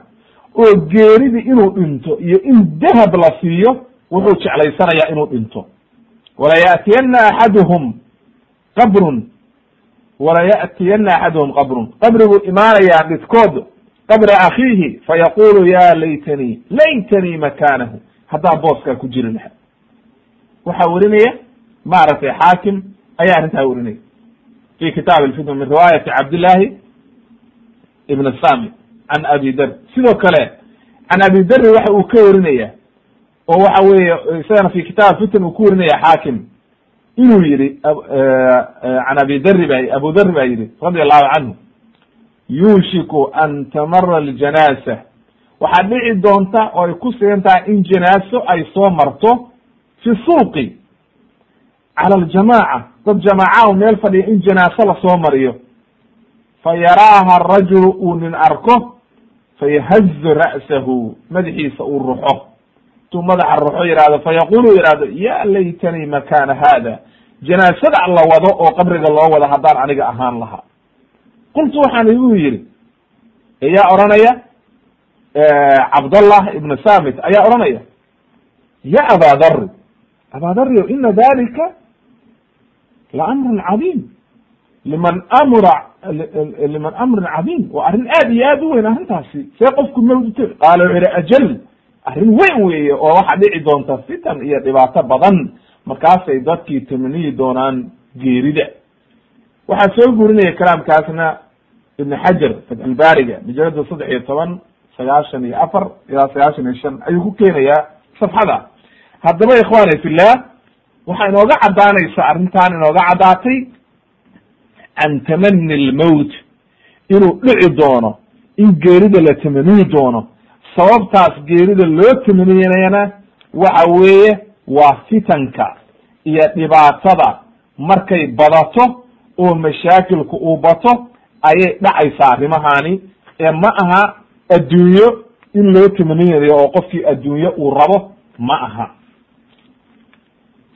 ee waxa weeye adduunyada fitankeeda inuu waxa weye si kale adduunyo kale inuu ka cararaya maa ee waxa weye macnuhu waxaa sababta keenaysa may laba arrimood bay ku dhacaysaa qofkii inuu diintiisa la cararo oo diintiisa dhibaato uu kala cararayo intuu fidnoobi lahaa oo gaaloobi lahaa waayo waa ti axaadiis badan ay caddeeyeen yusbix arajulu mu'minan wa yumsi kafiran macnaha qofkii inuu subaxdii isagoo muslima galabtii gaal noqonayo haddaba marka diintiisa uu la cararaya qofkii mu'minka ama dadka kalena fitan iyo dhibaata markay ka badato ayuu iska jeclaysanayaa inuu iska dhinto. Calaamada tobnaad waxa weye katrat الrum wa shiddatuhum fi akhir zaman. Rum nimanka la yidhaahdo oo waxa weye waa dadkan cadaanka oo ka soo farcamay ba la yihi iswa ibn isxaaq. Dadka cadaankaa labay uqaybsamaan ba la yihi qaar yahuudda ay yahuuddu waxay ka soo farcameen nabiyullah maaragtay yacquub. Nebi yacquub bay ka soo farcameen.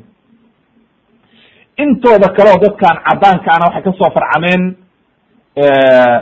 ciswa ama alcays sida ay yihahdaan waayo nabiyullahi isxaaq baa laba nin dhalay ba la yihi oo wuxuu dhalay ciswa iyo isxaaq iyo yacquub. Labadaasuu dhalay ba la yihi nabiyullahi isxaaq. Waxaan ku cadayna oo kaga hadalnay qasas alambiya marki aan sharaxaynay qisatu nabiyullahi isxaaq calayhi salaam. Marka ruom nimanka la yidhaahdo waa dadkan cadaanka ah oo dhan baa ruom ka soo farcamay. Can cabdillahi ibni camr ibni caas waxa uu warinaya wuxuu yihi nebigu wuxuu yihi calayhi salaatu wassalaam taqumu asaacatu waruumu akharu nnaas qiyaamuhu wuxuu dhici doonaa iyadoo ruum nimanka la yidhaha cadaankaa ay dadka ugu badan yihiin. Faqaala lahu camrun absir ma taqul war ka fiirso waxaad dhahaysid ba la yihi faqaala wuxuu yihi aqulu waxaan leeyahay ma samictu min rasuuli llahi sala allahu alay slm waxaa nabiga ka maqlay ayaa sheegaya imaamu muslim ayaa werinaya xadiidka fi kitaab alfitan fi saxiixihi raqamka toddoba kun iyo laba boqol iyo sideed oo maratay sharxu muslim sharx nawowi haddaba arrintan waxay kutusaysaa axaadiid kalena waa iyadii caddaysay shiraaru lkhalqi inuu qiyaamuhu ku dhacayo. Haddaba marka dadka badan oo shiraaru lkhalqiga oo waxa weeye gaaloobi doona oo diinta ka tegi doona oo isugu soo bixi doona cawaanta waxay u badan yihiin buu xadiidkaani caddaynayaa dadka cadaanka oo room ka soo farcamay waxa weeye ninka ciiswa la yidhaahdo oo maaragtay ku abtirsada nabiyullahi isxaaq. Marka calaamad maxdiya weeye maantana caalamka haddaad fiirisid dee iyagii baa fara badan oo aad bay u badan yihiin laakin hadda dad badan baa ka sida jaynaha iyo dadka indhaha yar aad bay u badan yihiin iyaguna. Laakin aakhiru zamaanka iyaga ugu badan ayaa la yidhi dadka oo way dhici doontaa.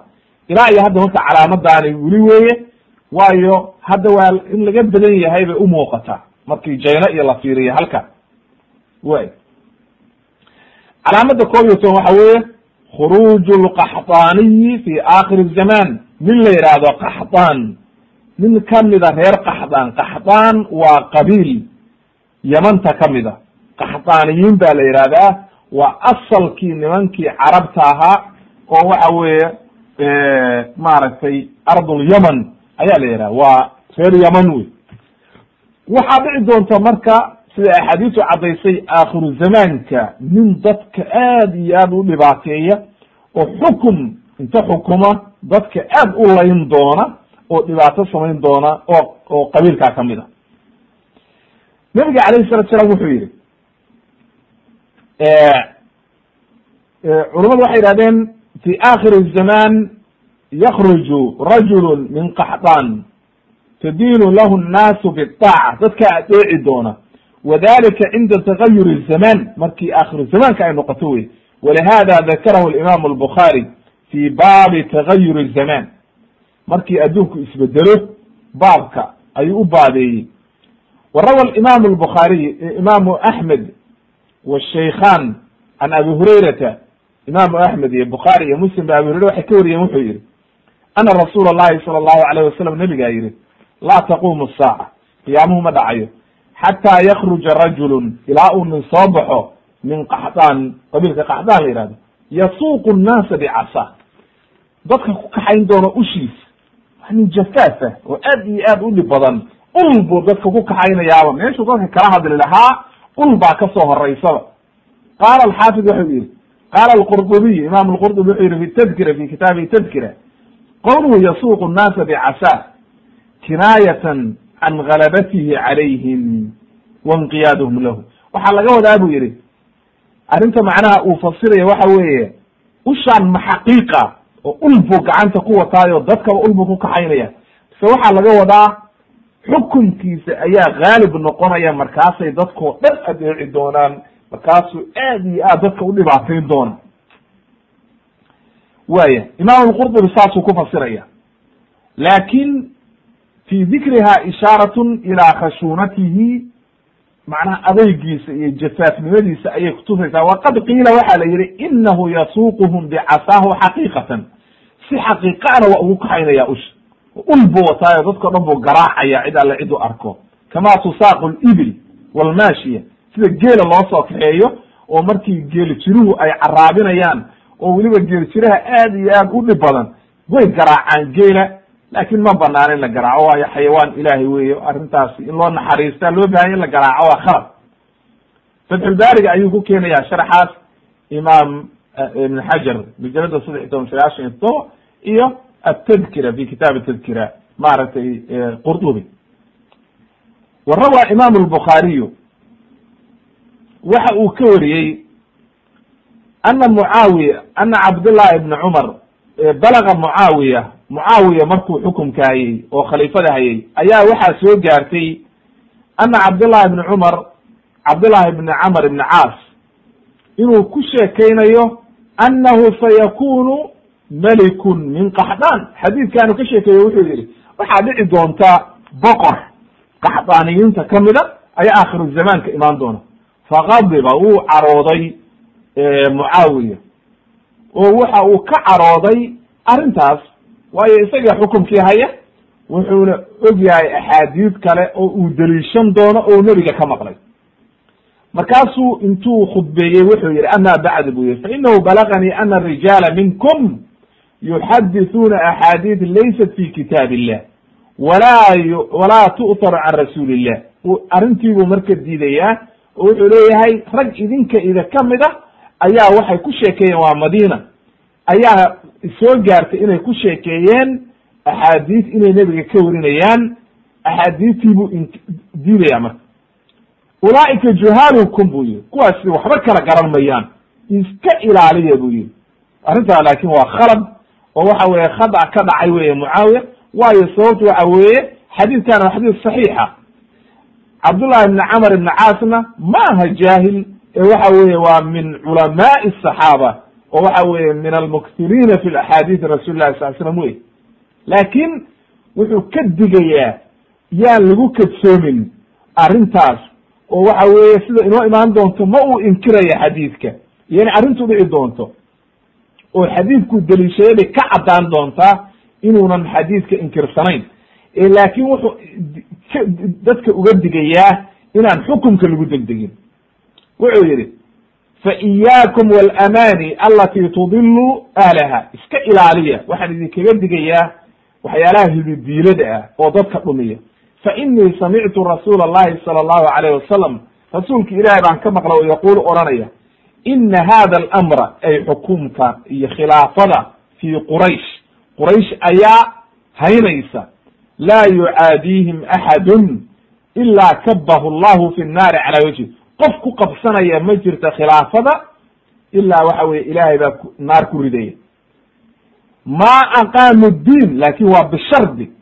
Qurayshtu waxay haynayaan xukumka shardi. Ma aqaamu diin inta ay xukumka diinta ku oogayaan oo diinta ay ku socdaan kitaabka iyo sunnaha cala fahmi salaf saalix albukhaari ayaa warinaya fi kitaab alaxkaam toddoba kun iyo boqol iyo soddon iyo sagaal fi saxiixi qaala ibnu xajar wuxuu yihi wa inamaa ankara mucaawiya khashyata an yaduna axadu ana alkhilaafata tajuusu fi gayri quraysh waxa uu inkiray mucaawiya oo diidaya inuu qof u mareeyo inay bannaan tahay qof kale inuu khilaafada qabto quraysh mooye waayo nebigu wuxuu yihi inama hada alamru min quraysh falama khadaba bidalika dala calى ana alxukma cindahum kadalika id lam yunqal ana axada minhum ankara calayh qof ku inkiray saxaabadii ma jiro xataa cabdullahi ibni camr ibn caas kuma inkirin waayo axaadiis baa caddaysay alkhilaafatu lilquraysh quraysh inay khilaafada leeyihiin oo qabanayaan laakin lam yunkir khuruuj qaxdaani ma uu inkirin oo ma oran qaxdaani ma jiro mana soo baxayo ma uu oran mucaawiya ma inkirin lianna fii qowlihi ma aqaamu ddiin mafhumuhu waxaa laga fahmayaa mafhumu lmukhaalafa waa qaacido wey waxaa laga fahmayaa ida lam yuqiimuu addiin kharaja alamru min aydihim. Haddii aynan diinta oogin oo ku taagnaanin oo aynan dariiqa xaqaa raacin arrintu gacantooda waa ka baxaysa. Waqad xasala haada waana ka baxday gacantoodii. Qurayshtii gacantoodi waxay ka baxday oo waxa weeye turki iyo ay u wareysay iyo dad kale markii ay ka leexdeen kitaabka iyo sunnaha oo ay boqoradii iyo muluuk iyo adduunye raaceen ayay gacantooda ka baxday. Fa ina annaasa lam yazaaluu fi daacati quraysh. Dadku waxay adeecayeen quraysh oo xukumka iyaga hayay. Waayo abubakr cumar cuthmaan waxa weeye caliy kulluhu min quraysh mucaawiya se u dhamaayo quraysh laakin markay ka wareegtay oo waxa weeye diintii ay waxa weye ka daciifeen oo ay boqorro qabsadeen oo waxa weeye dambe ayay markaa gacantoodii ka baxday markay diintoodii daciiftay oo aakhirkii. Oo ay u wareegtay ilaa kayrihim fatxulbaariga ayuu saa ugu sharaxaya xaafid ibn xajar majalada saddex iyo toban boqol afartan iyo afar safxada. Wa hada alqaxdaaniyu bay yihahdeen culummadu laysa huwa ljahjah nin kale oo waxaa jira la yihahdo jahjah oo ah min almawaali oo inoo imaan doona fa ina alqaxdaaniyu min alaxraar waa xor wey dadka waxay uqaybsamaan mawaali ay addoomadii lalahaan jiray oo la xoreeyey iyo nin xor ahaa oo qabiil nasabkiisu uu sax yahay ka dhashay oo xor ah oo aan cidno gumaysan. Liannahu nasabahu ilaa qaxdaan. Qaxdaan buu nebigu u tiriye wuxuu yihi min qaxdaan ayuu ahaan doonaa. Qaxdaanna waxa weeye waa qabiilka ay ku dhammaato al tantahi ansaabu ahli lyaman min ximyar wa kinda wa hamadan wa gayruhum qabiilada ayaa u nisba sheegta qaxdaan waa qabiil weyn weeye oo waxa weeye aad iyo aad u weyn oo qabiilooyin badan baa jira. Wa ama aljahjah ninka la yihahdo fa huwa min almawaali jahjah ninka la yihahdo oo isagana ka mid a aakhiru zamaanka inuu soo bixi doono waxa weeye waa min almawaali waa kuwii carab isagu ma aha qaxdaanna ma aha. Waxa weeye waa dadkii la xoreeyey oo addoommada ahaa. Ayuu ka mid ah ayuu ka ka farcamay oo farciisu ka imaanaya.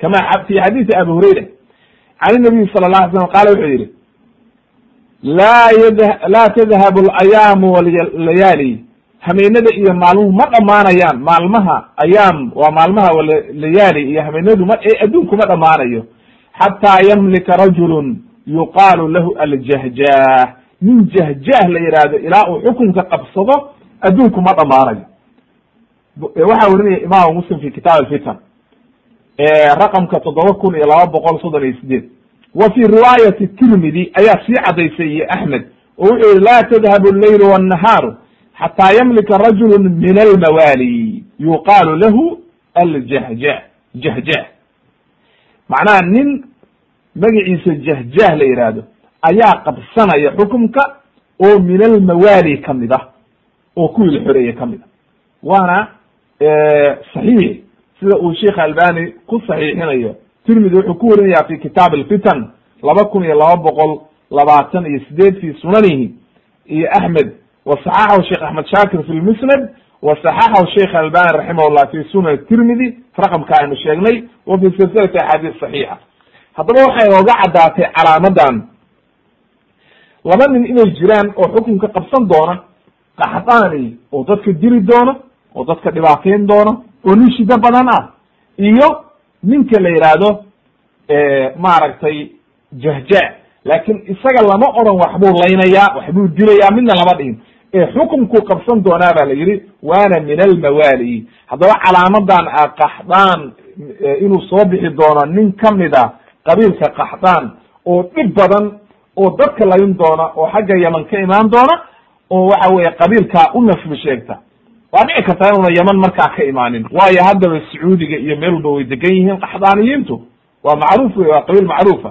Calaa kulli xaal qabiilka ayuu ka dhalan doonaa ninkaa waana nin dhib badan oo aakhiru zamaanka imaan doona ayuu ahaanayaa. Haddaba markaa iyadana calaamad aan weli dhicin weeye waana la sugayaa wasataqac way dhici doontaa kama akbara nabiyu sala allahu alayh wasalam insha allahu tabaaraka watacaala way dhici doontaa sidii nebigu u sheegay. Intaa ayaan marka maanta ku joojinaynaa. Insha allahu tabaaraka watacaala wasubxaanaka allahuma bixamdika ashhadu an laa ilaha illa anta astakfiruka waatubu ilayk walxamdu lilahi rabbi alcaalamiin welina way sii socotaa calaamaduhu insha allah